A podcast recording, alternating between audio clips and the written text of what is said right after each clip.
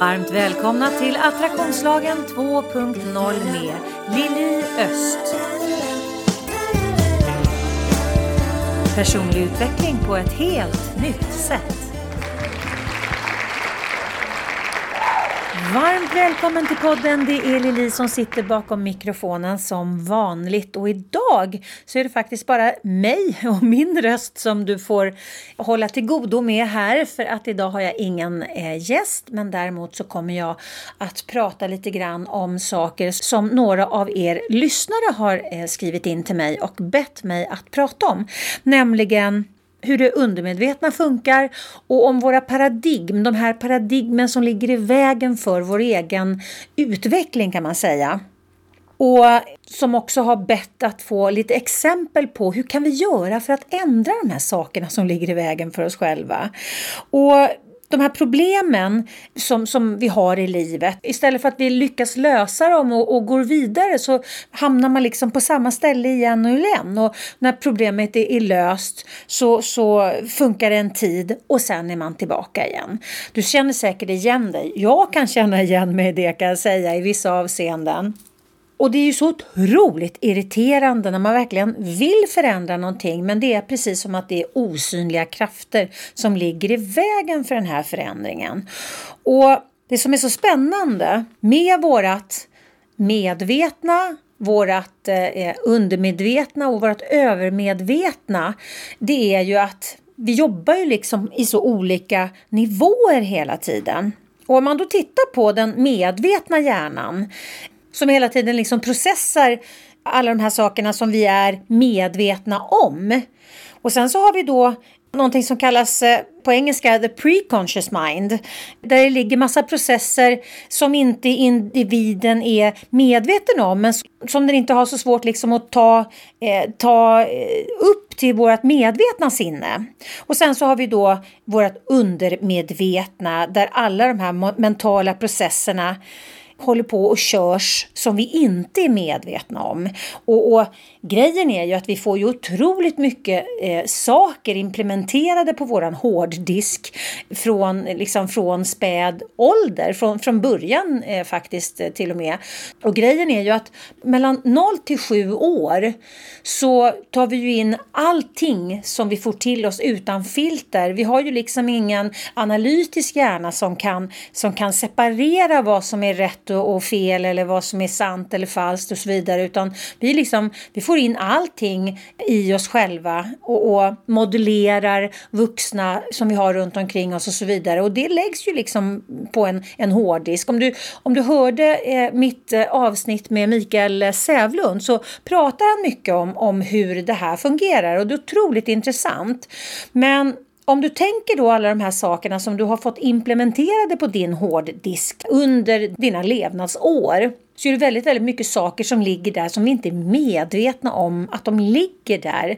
Och det är oftast de som stör ut när vi försöker göra förändringar som vi helt plötsligt börjar göra saker som vi går helt stick i stäv med det vi vet vi behöver göra för att nå vissa resultat. Du har säkert varit med om det själv. Kanske det är så att du försöker gå ner i vikt men ändå så sätter du och liksom proppar i dig en semla fast du vet att det här absolut inte leder dig i rätt riktning. Men det är någonting som liksom manar på dig inifrån att, att du ska ta den här semlan.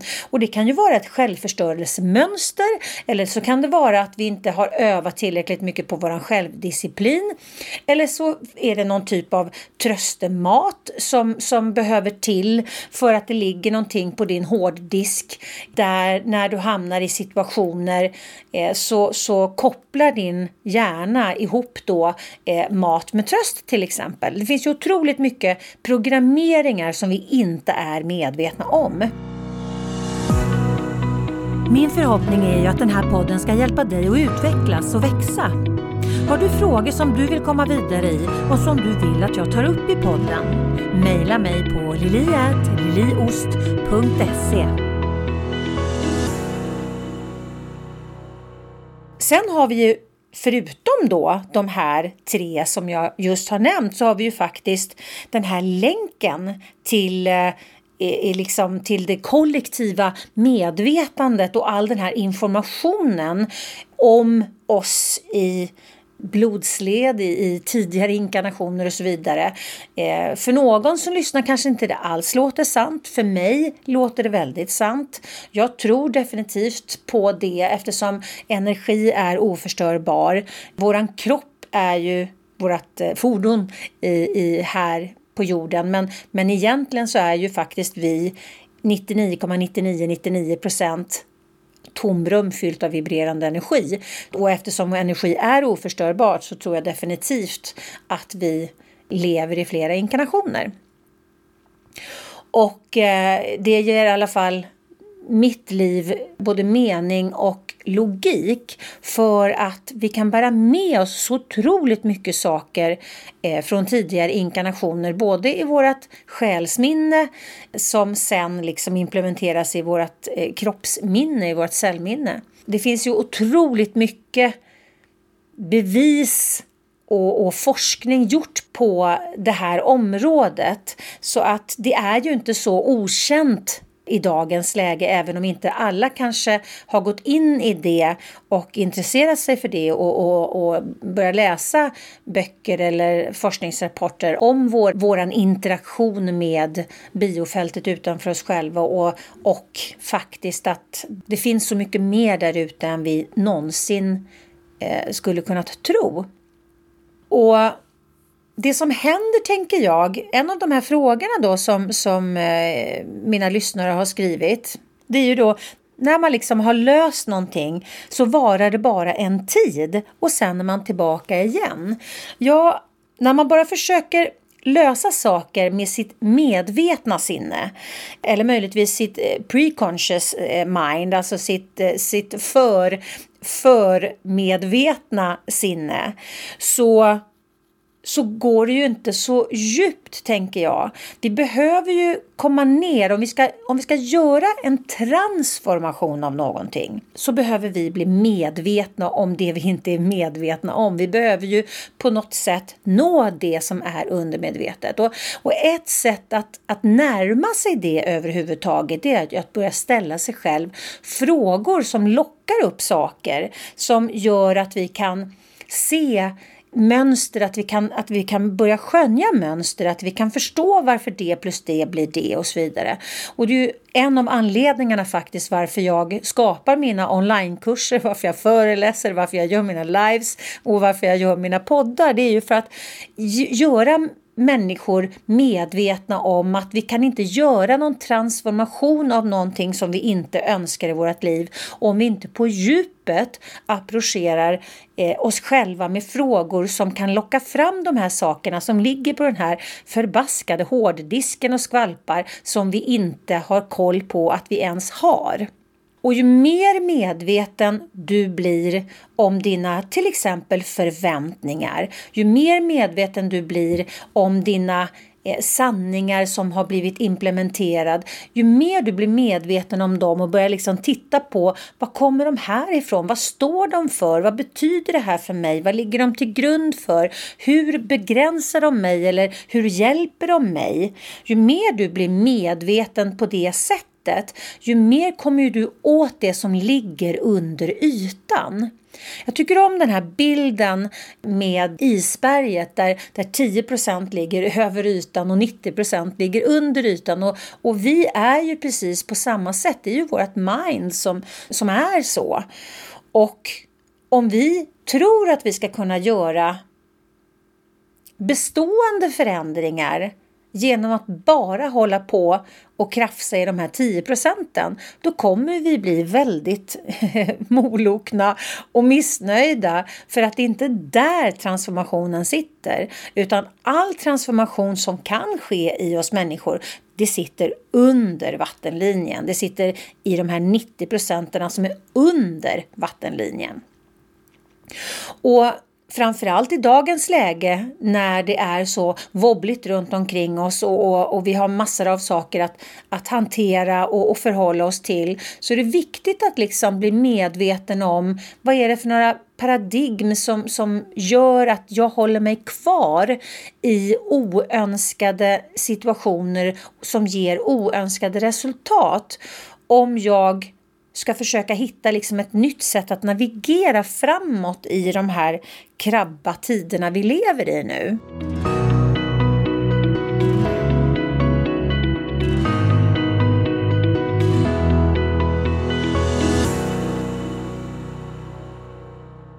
Jag hittade en, en webbsida eh, som heter Transformational Learning Opportunities eh, som eh, pratade just om, om, om det undermedvetna. Sju punkter hur du kan jobba med att medvetandegöra mer av det som du har under vattenlinjen i de här 90 procenten. Och punkt ett då bli medveten om dina förväntningar. För att vårt undermedvetna arbetar ju då outtröttligt med att göra våra starkaste förväntningar till verklighet. Och alla de här förväntningarna som då har en stark emotionell laddning och som vi hela tiden upprepar både in oss själva och med andra. Det är de som vårt undermedvetna då känner igen fortast naturligtvis eftersom vi har, vi har liksom upprepat det mest och då också accepterar lättast. Och det är de här sakerna som har satt sig liksom i våran ryggrad och som vi agerar på per automatik. Och det är här det största arbetet ligger, att bli medveten om vilka de här förväntningarna är för att kunna ta ett steg i rätt riktning. För att kunna påverka de här sakerna som vi inte vill ha kvar längre men som på något sätt liksom hela tiden som en boomerang kommer tillbaka. Och du som har följt mig länge, du vet ju att jag pratar om hur attraktionslagen funkar och hur universum funkar och hur våran hjärna funkar. Och vårat undermedvetna som jag har sagt så många gånger, det förstår liksom inte negationer. För det, det jobbar liksom bara med positiva impulser för det känner inte igen negativa idéer och konceptor utan de, de processar helt enkelt inte, eller den processar helt enkelt inte negationer. Och du som har hört mig förut och du vet att jag har pratat mycket om att det finns inga negationer varken i vårt undermedvetna eller i universum. Vilket betyder att, att ordet inte finns inte mer än i vårt vokabulär och det ställer ju till det duktigt för oss människor hela tiden för att det finns väl ingenting som vi är så jäkla fokuserade på som det som inte funkar och det som vi inte vill ha och det som vi lider brist på, det som vi, som vi avskyr och så vidare. Men om det inte finns några negationer och om inte vårt undermedvetna kan processa negationer så blir det som en slags censurpip på ordet inte eller inte-fokuseringen. Och om du då har de här inre dialogerna där du säger då att du inte vill ha någonting så hör ju ditt undermedvetna faktiskt att du vill för det tar bort det här negationen. Och kvar blir ju bara ditt fokus för det är det det handlar om att det vi kastar ljuset på växer. Det förvandlar ju liksom det här konceptet förvandlar ju alla dina förväntningar och intentioner och fokus med, eh, som har en negativ inramning till precis att ge dig motsatsen. Det du fokuserar på du drar du till det mera av. Och det påpekar de även i, i den här artikeln då som, som handlar om de sju stegen som beskriver ditt undermedvetna. Och steg tre pratar de också, precis som jag alltid gör, vi har bara vårt nu. Vårt undermedvetna arbetar bara i vårt nu. Det kan, det kan inte processa idéer och föreställningar, varken från vårt förflutna eller från framtiden. Det finns liksom ingen tidslinje, utan allting är just nu. Och det som är just nu, det är alltså vårt undermedvetnas verklighet. Och, och det är ju så att om, om, vi, om vi tänker på framtiden nu så är det nu det börjar vibrera och det är nu vi drar till oss de resultaten eh, som, som hör till det. Det som, som ligger som fokus, vårt mesta fokus. Eh, det är det vi drar till oss. Och fokuserar vi på saker som har hänt i dåtid, positiva som negativa, så är det här vi reaktiverar de, de tankarna och de känslorna blir det som blir din aktiva magnet om man tittar på det här ur ett energiperspektiv. Men eftersom inte vårt undermedvetna har en tidslinje så är liksom allt det här, våran framtid, det vi oroar oss eller siar om framtiden och det vi, vi plockar med oss ifrån dåtiden som kanske har varit bra eller dåligt, det hamnar i vårt nu. Och det är bara här vårt undermedvetna kan processa det. Du har säkert hört mig säga flera gånger också att eh, våran hjärna kan inte känna skillnad på fakta och fantasi och det kan inte heller vårt undermedvetna ut, utan tar emot liksom allt som fakta.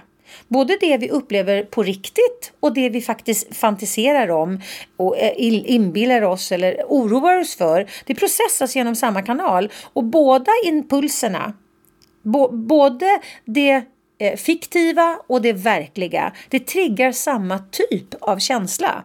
Så att vårt undermedvetna kan liksom inte skilja då på, vänta nu här, var det här fantasier eller hände det här verkligen?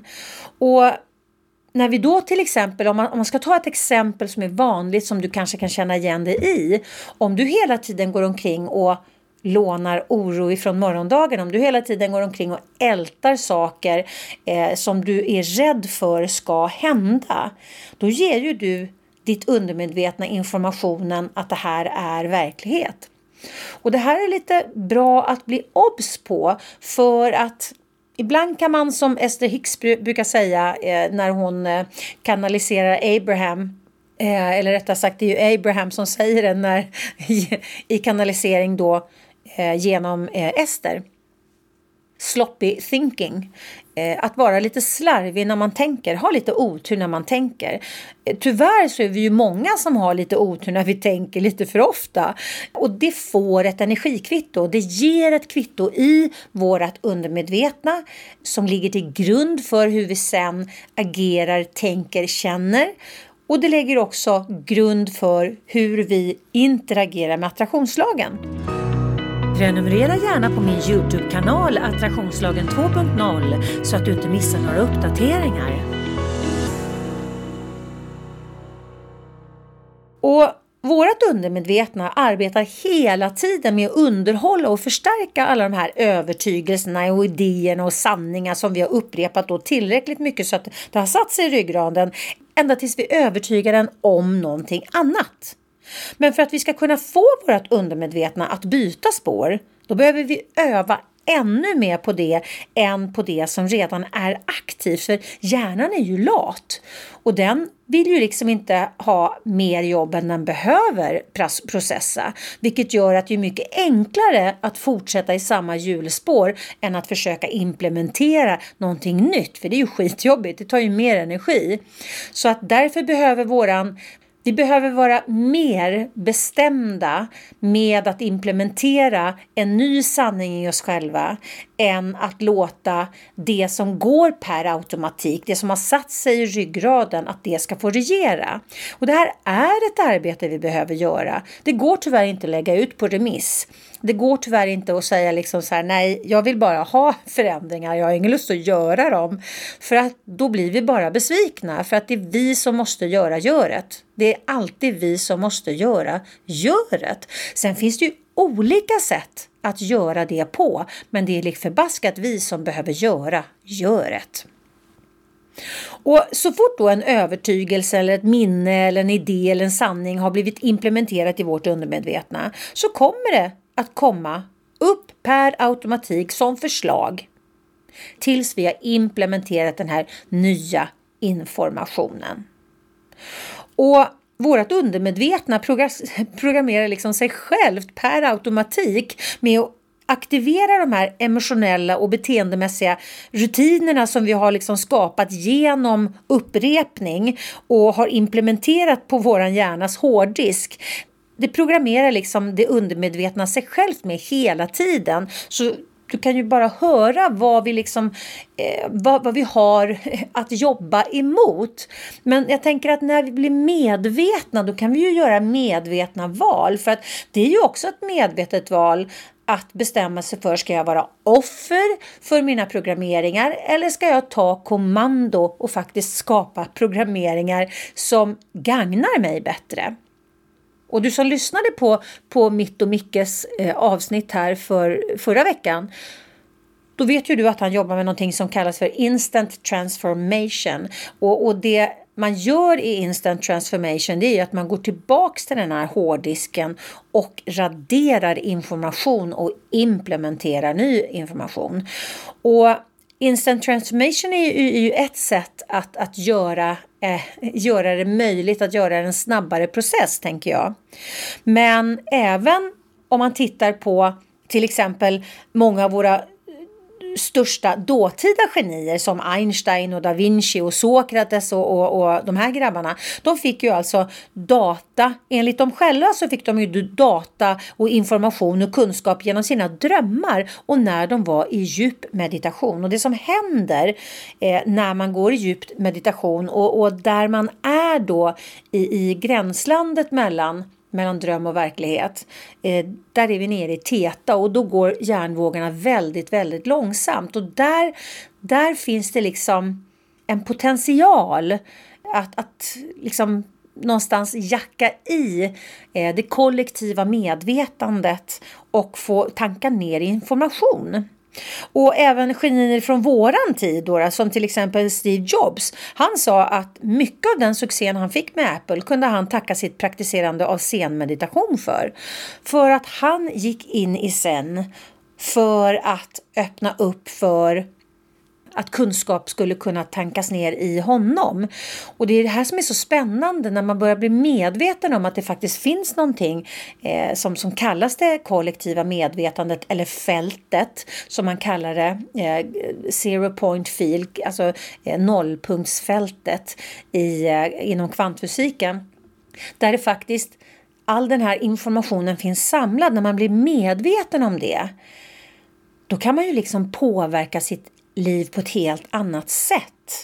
Och ju mer medveten du blir om dina möjligheter om man zoomar ut och tittar på livet genom ett par andra glasögon och inte enligt de här ganska snäva ramarna, tänker jag, som vi är eh, uppvuxna med och, och som vi är fostrade in i.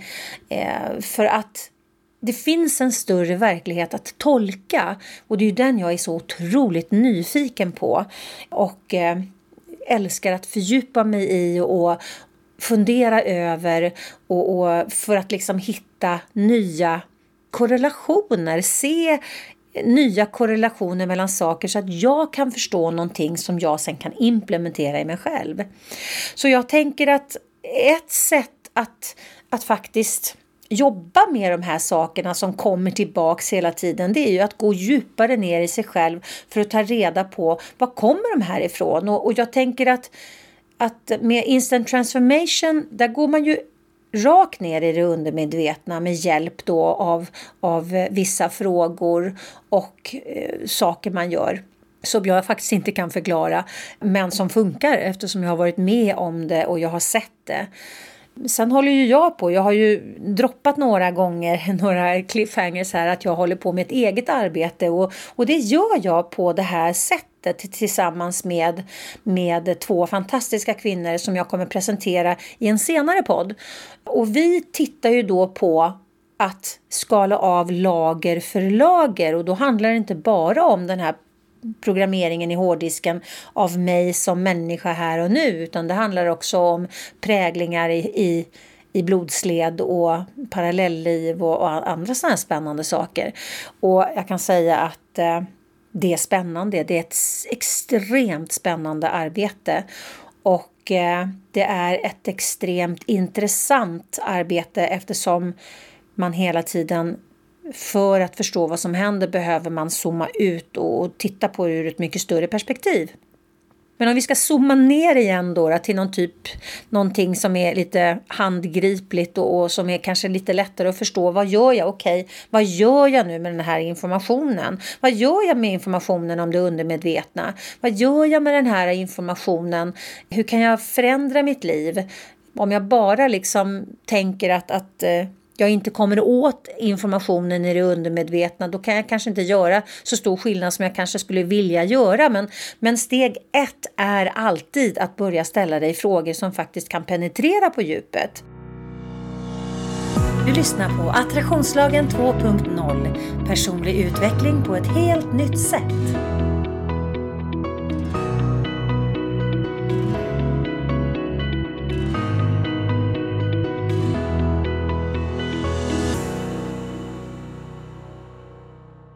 Och då behöver du ställa dig frågor som du inte har ställt dig förut. För att hade du ställt dig de här frågorna som du behöver för att penetrera på djupet och kunna göra mönsterbrytning på ett mycket djupare plan som kan, som kan leda till en transformation om du hade haft den informationen redan, då hade du redan gjort det. Så att du behöver ju faktiskt tillskanska dig nya frågor som kan penetrera på djupet så att du får upp information från en annan nivå än du brukar få upp eh, som krävs för den här transformationen. Att vara intresserad av sig själv, att vara intresserad av det undermedvetna, att, att vara intresserad av vad det är för någonting som, som gör oss starka eller vad det är för någonting som gör oss eh, eh svaga, vad det är som hjälper oss och vad det är som skälper oss. Det här borde ju egentligen vara det mest intressanta arbete vi kan göra överhuvudtaget. Men det finns ett extremt motstånd mot att Eh, göra ett sånt här arbete med sig själv för att det som verkligen är när man går in i sig själv på det sättet det är att man inser att jag har 100% ansvar för mina resultat. 100% ansvar. 100% ansvar för mina tankar, 100% ansvar för mina känslor. Och det kan ju naturligtvis vara jävligt jobbigt att inse bara vänta nu här, jag kan inte skylla på någon en, annan än mig själv. Sen kan vi falla offer för saker, vi kan hamna i fruktansvärda situationer, men vi har ändå någonstans satt oss i närheten av situationen och vi har allt att vinna på om vi nu, jag menar till exempel om någon närstående dör, då är det klart att inte vi har satt oss i den situationen. Det är inte så jag menar, men vi kan fortfarande bestämma oss för hur vi ska hantera den sorgen, hur vi, ska, hur vi liksom ska hjälpa oss själva att bli starka i sorgen och det finns alltid olika vägar. Det finns alltid möjligheter i hur vi väljer att, att eh, ta oss an saker i livet. Och, och det är viktigt, tänker jag, att faktiskt våga gå in i den frågeställningen och inte bara skjuta den ifrån sig och inte riktigt våga liksom, eller eh, kanske orka tänka på det sättet för att det blir liksom för nära och jag vill inte ta något jävla ansvar för, för det som händer mig och, och jag menar vi, vi har alla till mans, tänker jag, eh, lite saker, liksom lite, lite saker som vi inte är nöjda med, som, som kanske återupprepat hela tiden kommer till oss. Och det är klart att vi kan skylla på, på en massa saker och säga att det är, det är tack vare det som det här händer eller på grund av henne eller honom som det här händer. Eller hade det inte här varit så, då hade det där varit möjlighet. Eller vad, vad det nu kan vara för någonting. Och vi kan ju hålla på en hel livstid och skjuta ansvaret utanför oss själva. Men det som händer är ju att vi faktiskt förminskar vår egen kraft till att kunna skapa en förändring när vi gör på det sättet. Och även om det är jävligt svårt och även om det gör jävligt ont och är väldigt, väldigt obekvämt så är det ändå liksom genom det, när vi går igenom elden så kan vi faktiskt skapa någonting på andra sidan. Men om vi går runt saker hela tiden och, och lägger ut liksom ansvaret på remiss eh, om inte han hade eller om inte hon hade eller om bara de skulle och så vidare. Om vi gör det så, så tar vi bort vår egen skaparkraft det är inget vinnande koncept, även om det kan på, på kort sikt kännas som det bästa alternativet. Men om man tittar på det på lång sikt så kanske det är ett riktigt skitalternativ för att det leder oss inte dit vi vill komma. Vill du supporta podden? Gå in på liliost.se supporter. Jag hoppas verkligen att du har fått några härliga aha moments av dagens podd.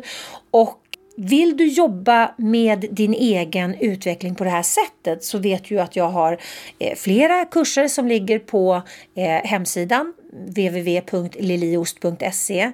Nu i helgen, fredag, lördag, så har jag en tvådagarskurs online som just djuppenetrerar för att få upp helt nya frågeställningar som kan skapa helt nya insikter. Så gå in på min hemsida och läs även om den.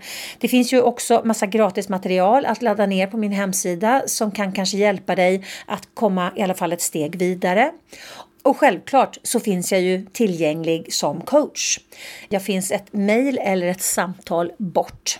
Nu på fredag i attraktionslagen på jobbet så är, har jag en fantastisk gäst. Integrationsföreläsaren Charbel Gabro som eh, ja, det var ett otroligt varmt och viktigt och mänskligt och generöst samtal om eh, utanförskap, om eh, inkludering, exkludering. Han har gjort en jätteresa. Han gick från väldigt, väldigt negativa påverkningar i sitt liv till att ta steget gå ner på djupet för att förändra sitt liv i en helt ny riktning. Så att det är ett väldigt, väldigt inspirerande samtal som jag och eh, Charbel har. Så vill du få ännu mer tankeinspiration så gå in och lyssna även på fredag. Och som vanligt vill jag påminna dig om att prenumerera gärna på Attraktionslagen 2.0 på min Youtube-kanal. För där får du också, och om du trycker på klockan så får du notiser och då får du ju liksom upp när jag gör mina lives, när jag lägger upp någonting nytt, när jag lägger upp mina poddar och så vidare. Plus att du får poddarna 06.30 på morgonen och där har jag faktiskt slutat att gå upp på morgonen bara för att lägga ut i sociala medier. Så att eh, det gör jag sen när jag hinner. Vill du starta morgonen 06.30 med podden så vill jag varmt rekommendera dig att prenumerera på min Youtube-kanal. Jag hoppas verkligen att jag får möjligheten och glädjen att inspirera dig igen. Och tills vi hörs, skapa en helt magisk vecka. Hej då! Du har lyssnat på Attraktionslagen 2.0. Vill du supporta podden, gå in på liliost.se supporter. Och tycker du att det vi pratar om här i podden är viktigt, dela gärna i dina kanaler. Tänk efter lite grann. Hur har du det omkring dig nu? Är du nöjd? Är du nöjd med det du har? Var är du i ditt liv? Har du funderat på att ta ett annorlunda kliv? Känner du som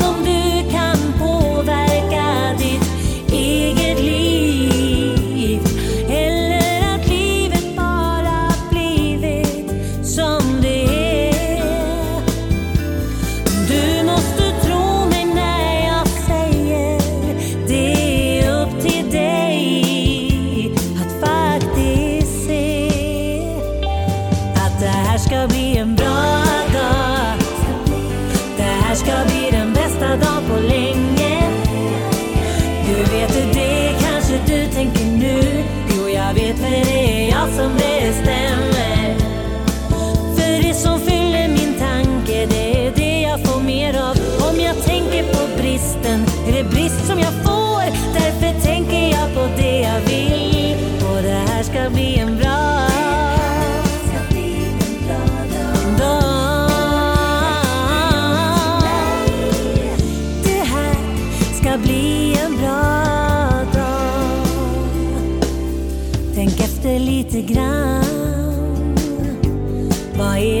du tänker på.